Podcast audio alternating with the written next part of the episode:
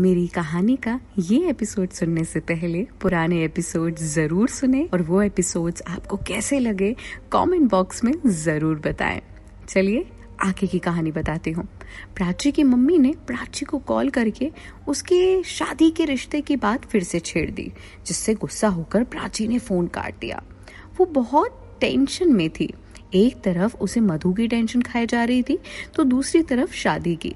वो समझती थी कि शादी उसके लिए भी उतनी ही ज़रूरी है जितनी और लड़कियों के लिए भी होती। लेकिन पहले वो अपना सपना पूरा करना चाहती थी। उसका सपना ही उसकी ज़िंदगी थी। इसी सपने के लिए वो अपने घर से लड़कर पढ़ाई करने आ गई थी। प्राची ने गहरी सांस ली। सांस लेकर अपना माइंड फ्रेश किया। फिर मधु की ओर देखा और बोली, तुम रेस्ट कर लो। फिर सात बजे से हम डांस प्रैक्टिस करेंगे। मैं ऐसे ही ठीक हूँ। मधु ने स्माइल के साथ जवाब दिया। ये सुनकर प्राची ने डीजे स्टार्ट किया और फिर मधु को डांस सिखाया और अब डेली प्राची मधु को डांस सिखाने लगी और मधु भी बहुत प्यार से डांस सीखने लगी। अब प्राची और मधु दोनों के बीच की दूरियाँ कम होने लगी थी। मधु ने फिर से प्राची के साथ हंसना बोलना शुरू कर दिया था। अब वो साथ कॉलेज जाती थी साथ लौट कर आती थी। कैंटीन भी साथ में जाती थी और क्लास में भी साथ रहती थी। प्राची के लिए ये बहुत खुशी की बात थी कि उसकी दोस्ती दोबारा दिखाई दे रही थी और उसकी दोस्त मधु उसे वापस मिलती जा रही थी। लेकिन आयशा और राघव उन दोनों का तो खून खोलने लगा था उन्हें इन दोनों के करीबी बिल्कुल भी पसंद नहीं आ रहे थे। वो ये कभी नहीं चाहते थे कि प्राची और मधु फिर से एक हो जाए। आयशा और राघव किसी भी हाल में दोनों को एक नहीं होने देते थे। और ये सोचकर आयशा ने अपने मन ही मन में एक प्लान बनाया। प्राची स्टाफ रूम में बैठकर 50 कपल्स की फ़ाइल में से डॉक्यूमेंट तैयार कर रही थी। तभी शेट्टी सर ने स्टाफ रूम में एंटर किया।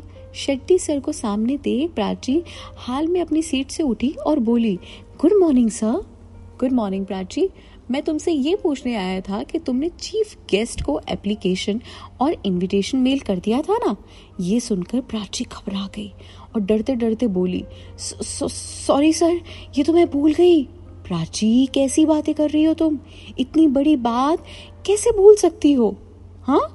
चार दिन बाद हमारे कॉलेज की फेयरवेल पार्टी है। और अगर चीफ गेस्ट नहीं आए तो हमारे कॉलेज की चैरिटी फंड और एनजीओ का क्या होगा? तुम्हें पता है? इससे हमारे कॉलेज की चैरिटी फंड पर कितना फ़र्क पड़ेगा? इतनी बड़ी लापरवाही कैसे कर सकती हो तुम? शेट्टी सर को गुस्से में देखकर प्राची डरते डरते बोली सॉरी सर मैं मैं मैं सच में भूल गई थी, पर मैं अभी मेल कर देती हूँ। प्राची आज मेल करने से चार दिन बाद पार्टी में आना शायद ही उनके लिए मुमकिन हो, और अगर मान लो कि वो आउट ऑफ़ स्टेशन हुए तो तो क्या सर हम दूसरा चीफ गेस्ट नहीं बुलवा सकते? प्राची तिरछी नज़र से शेट्टी सर को देखकर घबराते घबराते बोली, प्राची, हम जिन्हें बुला रहे हैं, वो इंडिया के टॉप टेन मिलीनियर में से एक है और हमारे कॉलेज के एमडी के सबसे करीब दोस्त भी है। सॉरी सर अब ये मेरी रिस्पॉन्सिबिलिटी है। मैं उन्हें कैसे भी करके यहाँ लेकर आऊँगी और अगर ऐसा नहीं हुआ तो सच में कॉलेज की इज़्ज़त दांव पर लग जाएगी। प्राची, अब तुम ही इस कॉलेज की इज़्ज़त बचा सकती हो। सुन लो तुम। सर, आप टेंशन मत लीजिए। मैं कैसे भी करके ये करूँगी। प्राची इतना कहकर टेंशन में स्टाफ रूम से बाहर चली गई और जाकर कॉलेज के कॉरिडोर पर बनी सीढ़ियों पर बैठ गई। प्राची वहीं बैठकर ऐसा कुछ सोच ही रही थी, जिसकी वजह से उसकी आँखें लगातार गीली हो रही थी। तभी किसी ने उसके कंधे पर हाथ रखा। उसने पीछे मुड़कर देखा तो निखिल था। निखिल को देखकर प्राची ने अपने आँसू पूछे। अरे तुम यहाँ क्यों बैठी हो? निखिल ने प्राची के बगल में बैठते हुए कहा। कु, कुछ नहीं बस ऐसे ही। इतना कहकर प्राची चुप हो गई। कोई बात तो है जो तुम मुझे बता सकती हो प्राची? नहीं नहीं कोई बात नहीं है। प्राची उदासी के स्वर में बोली। प्राची तुम शायद भूल गई हो। कि हम पहले बेस्ट फ्रेंड थे और हम आज भी बेस्ट फ्रेंड ही हैं। कुछ है तो तुम मुझसे शेयर कर लो ना। मन हल्का हो जाएगा।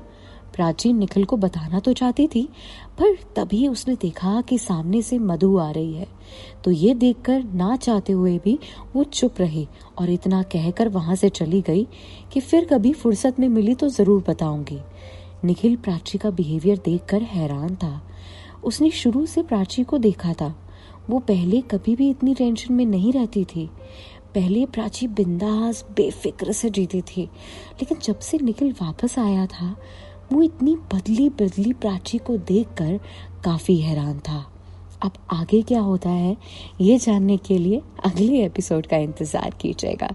और सुनते रहिए pocket F M RJ Nupur आपके साथ।